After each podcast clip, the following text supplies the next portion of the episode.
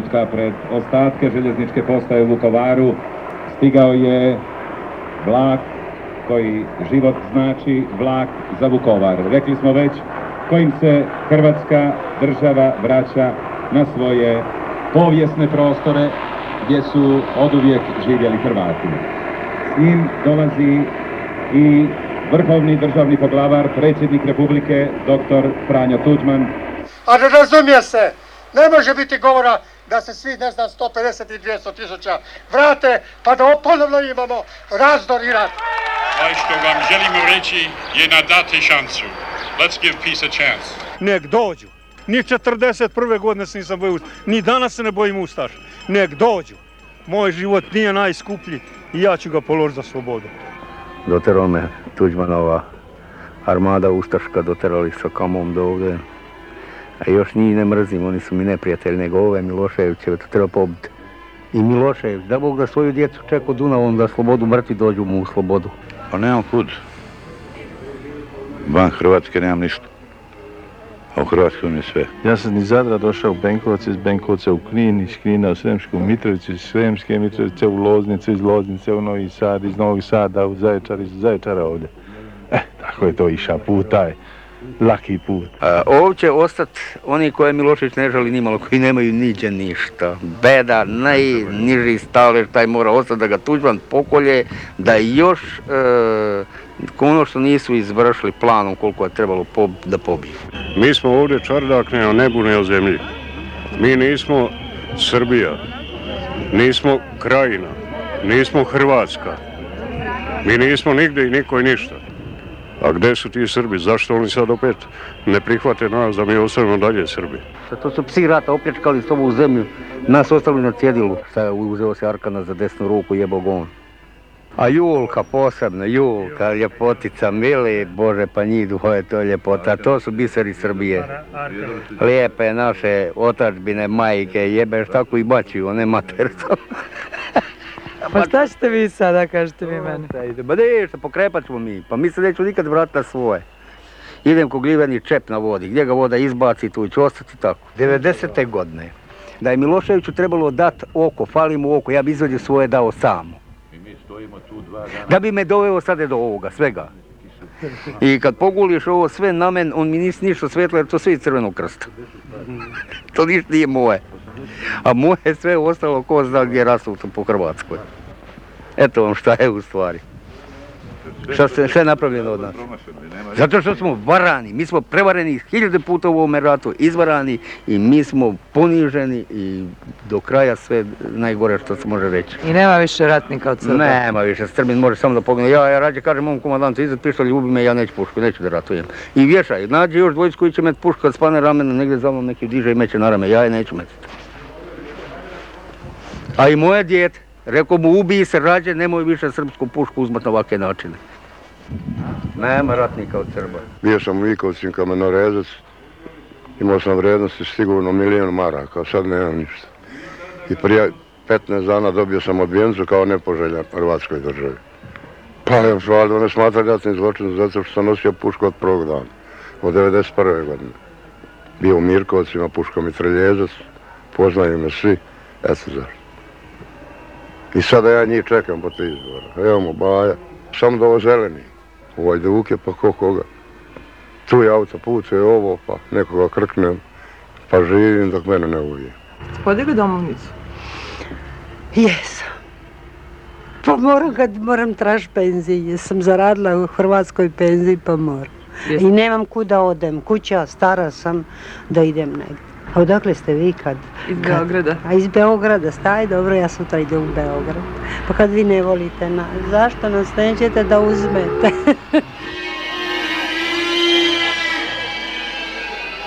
Ne da nećemo, nego ne možemo.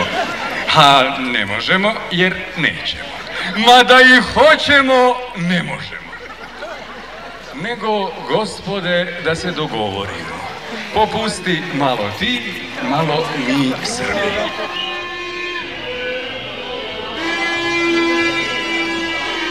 U ovom trenutku mi moramo samo da apelujemo na ljude da ne skidaju crep i građu da nose preko. To je To je, ljudi, to je poražavajuće i ponižavajuće kako ljude te koji to rade nije stid.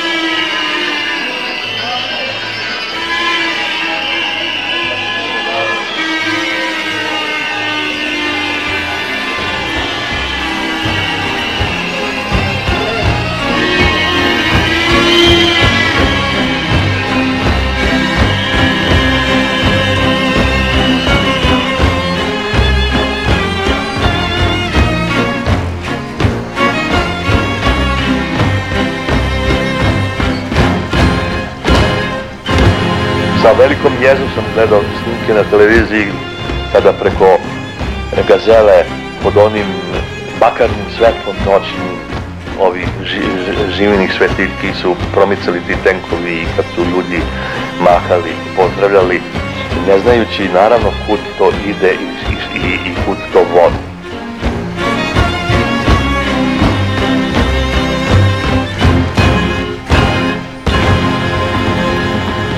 Za njima su bila bolja pušta da zakolju sto Srbina, baš da vidimo to da zakolju. Znaš, nego ovako smo i mi poklali i nadam sa Oni će da pokolju, će pokolju, bilo neki, to ne mora da bude ono što je bilo baš uvijek. Da se to vidi malo. Ovo napred.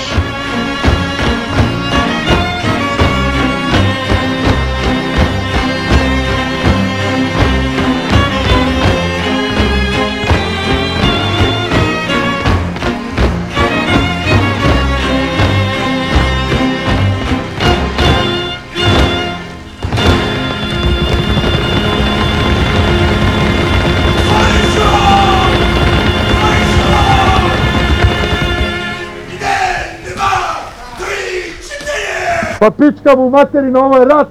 Ovdje se gađa minama, ovdje se gine i umire. Ali vi ginete i umirete za Srbiju i za otačbinu. Jeste razumeli? Jesmo! Tako je. Pomoz Bog, braćo. Idemo na preslačenje. Šta se tamo događa? Gde? Tamo. Tamo? Čiste, verovatno, od zaostalih ljudi. Juče smo, juče smo oslobodili Vukovar. Juče negde oko, oko 5 sati smo ovdje vodili zadnje borbe za školu, dole za gimnaziju. Ma ovamo jedan, tamo je izašao ovaj, iz skloništa juče i odmah je umro. Sreće tvoje. Tu ima.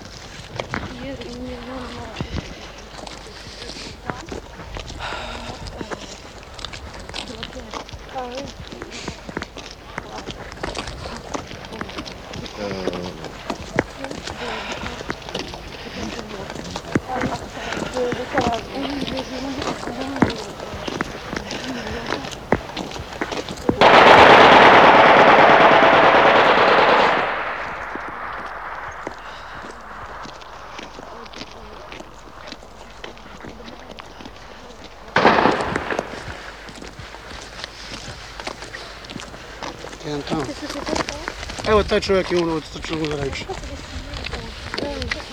Pa što ga niste sklonili? Ne možeš ga skloniti, mi smo išli u proboj, on je bio u proboj juče, ja sam bio gore na tornju, gađao snajperom, onu gimnaziju tamo.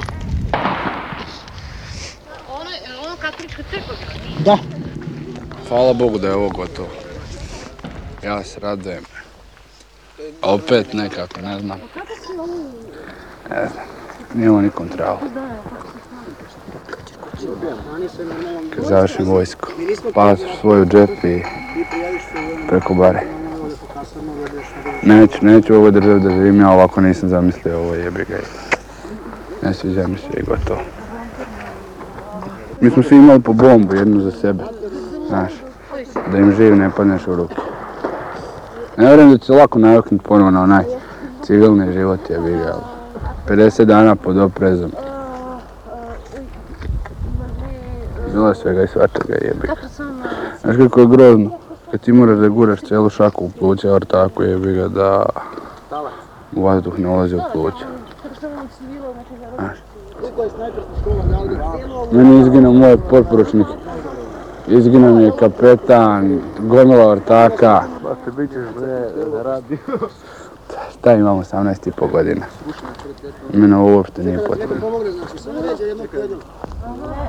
Ja sam mislio lepo služiti svojih 12 mjeseci, doći kući, odmoriti jedno 6 mjeseci, pa onda upisati fakultet, u Beogradu živjeti, tako.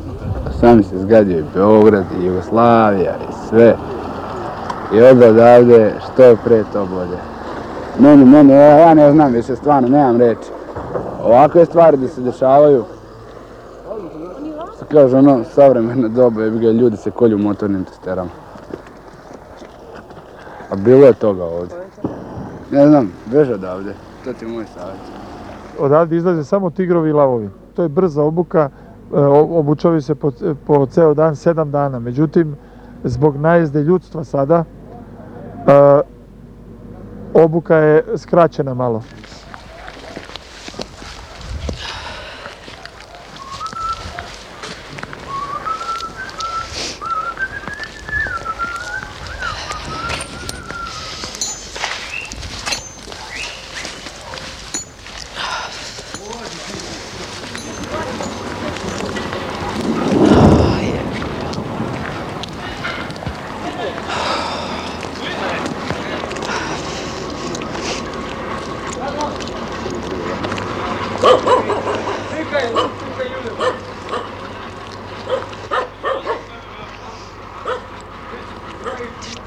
Braniš? Kad smo izašli, evo jutro smo izašli iz podruma. Pa, pa četiri mjeseca smo tu u podrumu. Nađemo, eto tako, da izvinete kako se kaže, od tih otpadaka što te granate poubijaju stoku okolo. Nađeš, oguliš kožu i sečeš, eto pojedemo tako, ispečemo. Ne znate vi gdje vam je rodbina, ne znate? Ne, njoj je muž poginio. Moj muž to mi je baka. Ubila ga ubila. Pala granata, je. Da, da, da. A šta može, zakopali ga u baštu. U baštu ga zakopali. Vi ste ga zapitali? Da. A šta, a kuda radim? Zamotala u čebe i ajde, šta može? Znaš šta je? Kad je to tek počelo malo puckati, a moj muž sam kaže, ma neće to biti dugo, Borovo selo, znaš kad je bilo ono. Ma neće to biti dugo, neće to biti dugo. A kad je počelo malo više, on bježi u podrum, bježi u podrum jadan, onda je on srčanik bio, znaš. Srčanik, a volio je puno piti. Vole? O, pio je, ali nije nikog vređao. A pa dole. Da, volio je piti samo viče, mrnjau, tako je imao vi- vikanje, znaš, onda ga znali svi. I onda tako sjedio, jedan izišao napolje i sjeo je kod šupe jedne i ja bila u kuhinji, pravili smo onaj kolače neke, znaš, nedelja bila. Dođite za jedno pola sata dok dođu ostali. Kad ono nešto gruni, ju, kad ja onako unutra, ja vičem, joj Andrija, zove se Andrija, joj Andrija ti mene ostavio, ti pobego od mene, joj Andrija ti mene ostavio, pobego, ono prah onaj pa u mene sve. A kad ja ne gledam ja ništa, ja mislim ono šovan tamo pod, kad žena trči, kaže, ju, kaže, valjda nije nji ubo. Kad ona uze za, tamo da izvinete, za pršnjak, a njeno mužu osrčena glava. Od granate, jel? Da, od, od, onoga, od onog zraka, znaš, da je granata raznela bi. Ali ja onak malo moga muža ovako po, po, povuče, njemu nije glava bila, nek sam ovako zbuljena. Joj, rekao, joj, meni kako se to pretrpio, on je jako nježan. A šta što je bio moment? Ne znam, više ne vjerujem pa da mi je rođeni brat da izvini. Ne vjerujem više nikome. Ne znam više, bojim se, sama svoje sjenke se uplašim kad Ona, izađe. ona samo drkće, pa šta drkćeš, čuti. Čuti, nemoj drkćat, ne boj se, budi hrabra. A da, ćemo, nismo sami mi. Nismo samo mi. Ovaj rat se nigdje nije vodio u svijetu, ovo što se radilo u Vukovaru. Shvatate jednu stvar. Na tome, ovoliko tehnike, ljudstva skoncentrisano na ovako malom prostoru,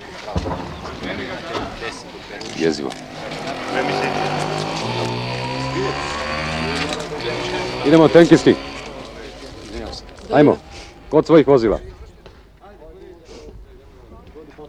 Idemo, vodi ekipu. Idemo nazad, ajmo. Mi moramo da radimo ovaj Da, da, znam. znate, pa Znam. ima tu scena koje nisu baš prijatne da se... Pa di ste vi? Gospođe, može li? Zaboravila tašnu na ko puta se setim pa dokumenti ostali. Budete ljubazni. Ajde.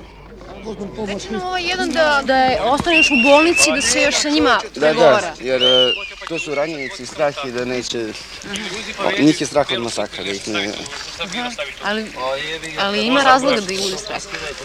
pa sad pojedince, nema sve iskreno rečeno, ali u pojedinim situacijama do duše dođe ti sve da, ali uglavnom pojedinci su koji trebaju kan pijesak bez presedanja. Ova gospoda koji nose bradu moraju da znaju da su Ustaše počele da upotrebljavaju bojne otrove. Morat će svako da se obrije do gole kože. Tako da kasnije, kad budemo ušli u Zagreb, svi ćemo do ovde brade da pustimo, ali sad, braćo, morat ćete svi da se obrijete. Što ti je ovo? Ovo, to i ovo. Šta mi zašto služi? I ovo. S tim ubijem isto.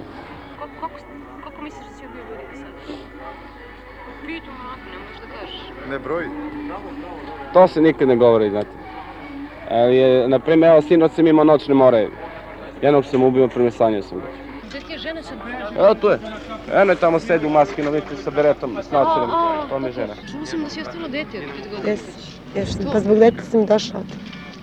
Gledala sam, šta, one reportaže i onda mi je pukao film, kažem pa neće valjda moje dete meni neko da kolje. Pa idem pa ako što bude. Pogini ti muž, pogineš ti, kome će on? Moje dete je zbrinuto. Kod mame je super. On je onako naš kod mame. Pošto smo mi tako malo nesređeni zajedno. Si ubila nekog ovih dana? Ja bi volila, znaš kako bi volila, ne vidi se. Priča se da moje jedinice kolju, razumete? Mi nismo zaklali nikog. Mi imamo samo jednog kome je dozvoljeno da kolje, a to je pas e, džipsi, koji je treniran da napadne na reč Ustaša. Razumete?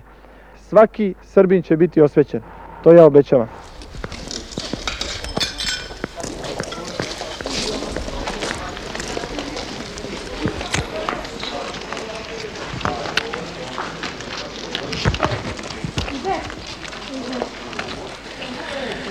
To jeste vi ste igrači ja, daj mi cigaretu.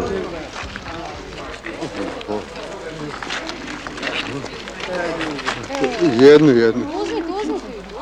Baka ne puši.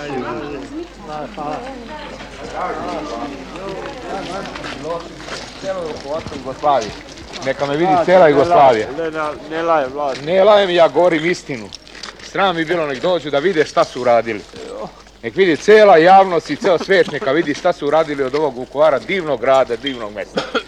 Srbin sam i ne bežim od toga.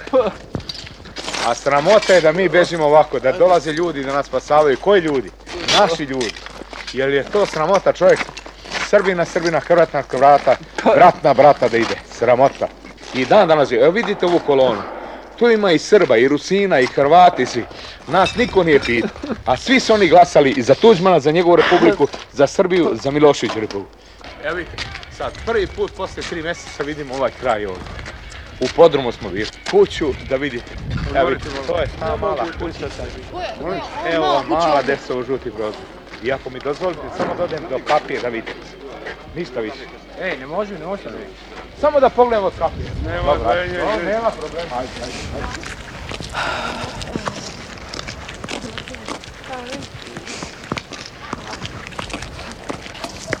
Ljudi, verovali da je ovo pakao? Pakao, pakao tri mjeseca što smo mi, što smo mi tri mjeseca preživjeli. Ja ne znam šta je ovo. Toliko smo lepo živjeli, supruga mi je u Vuteksu radila i, i, i penziju zatekla, sad nema ništa. Gdje da idem? Kažite mi gdje da Imam majku u Beogradu 80 godina. Kako ću ja mjesto da idem da njoj pomognem, ja idem njoj na teret. Mi smo u tom soliteru bili do Dunava. Idemo na Dunav za vodu, padne granata, ubije čovjeka, samo padne, ne znate ni odakle je pala, ni ko je bio, ni dalje ova strana, ni dalje ona. A oni pričaju ovo, ovi pričaju ovo. Ja bih volio, samo mi je jedina žela da vidim moju unuku. Beograd.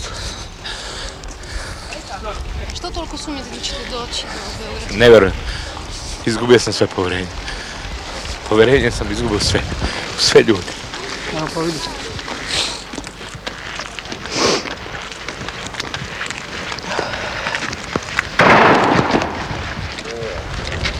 Nije on ranije da se razumemo, on je isčašio nogu i...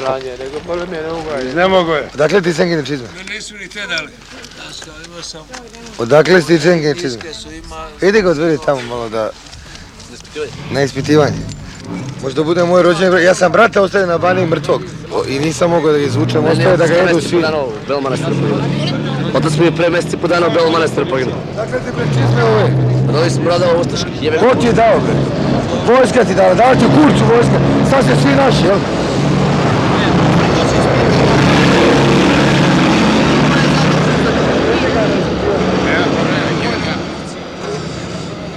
искате, ако искате. Аз за сви наши от всичко макар. Ама да... А не грешиш душу, бре. Как душу? Па никад не е касно за то, бре. Стай скоро. Па изчешено, много му изчешено. Hvala, mesto sam.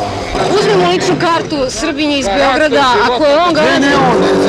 Pa on je njegov... Pa vidi... Evo, daj mu ličnu kartu. Pa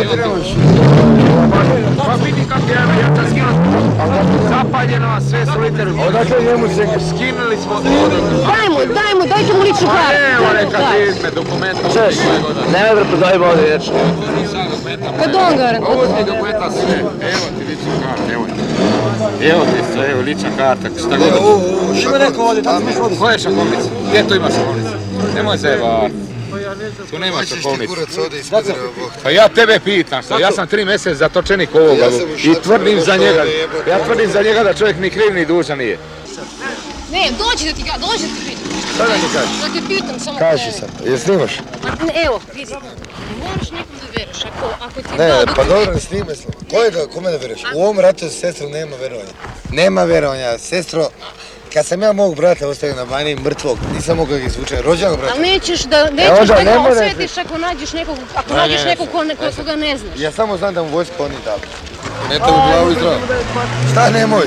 Pa na, šta bi oni nama sestre radili da nas uvate? Pa ne, ali pravog da nađeš, ali ne da, da, da, da, da, Svi su govna. Ajde! A otkud znaš da? Ja- sestre svi dobro, niko njih ne. Niko.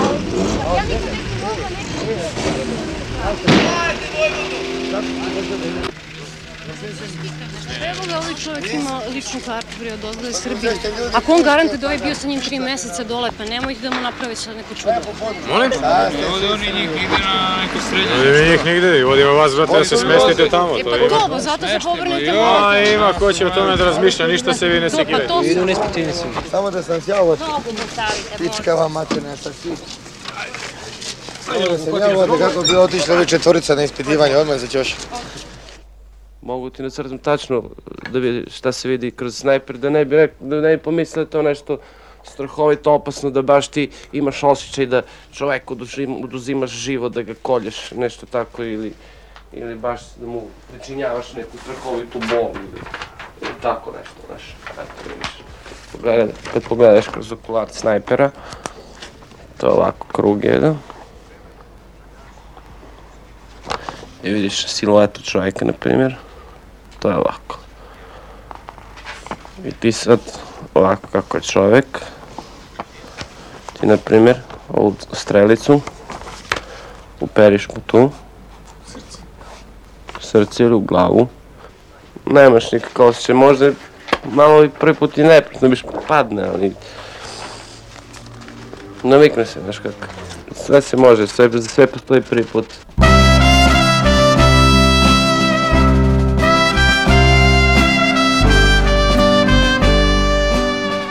Bolje je biti osvajač nego, nego osvojen. Ja mislim da, me, da ja idem na tvoju, kod tvoje dvorište da se svađam s motar. Dođi ti u moje pa da vidiš kako će proći. Zašto ne uzeti sve to što se može uzeti? Ma mani vero čovječe, ne pričaš svašta. Osim toga, to je nekad bilo naše. I Sami dobro znamo, ne znam koliko vi poznajete, ali ja nešto malo poznajem istoriju. Molim? Šta preciziraš šta je bilo Sada, razmišljajući o tom ratu, mada veoma malo razmišljam, mislim da nije bio pravedan. Ali, ali da se ponovo desi tako nešto slično, opet bi išao u istu tako rat. Zašto nisu tako se dogovorili? Da, di je kuj? Neko stane, neko stanu te granice, razumeš, kakve su nepravedne, nepravedne, ja znam, čuo sam i verujem u to, da je to povučeno ovako od prilike od oka. Ali kad je tako, tako. Neko stane tako. Ali da taj Srbin u toj Hrvatskoj ima sva prava njegova. Nisam, nisam ratnički raspoložen, ali sam, brate, za ispravljanje tih granica, ako je neko pogrešio i nepravedno prema nama pogrešio, dajte da ispravimo to.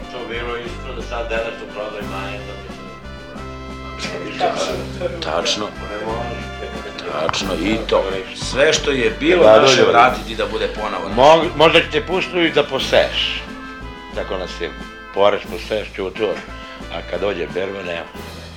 Pada glava i, i nema, nema beriketa. Ne nadu to ljudi. Kad nas sledi neki nešto, od dedino, on rado gine za to. Dedino, da li ga deda iz Kocko, iz Kurvo, šta radio, je li dobio to imanje na no, no, no, da ne pričam baš onako. Sve jedno, ali unuk ne da dedovinu. Tako i oni. Oni znaju ljudi dokle je bilo njino i će da, da ratuju ceo vek i dva veka će da ratuju. Hm, Šta možeš?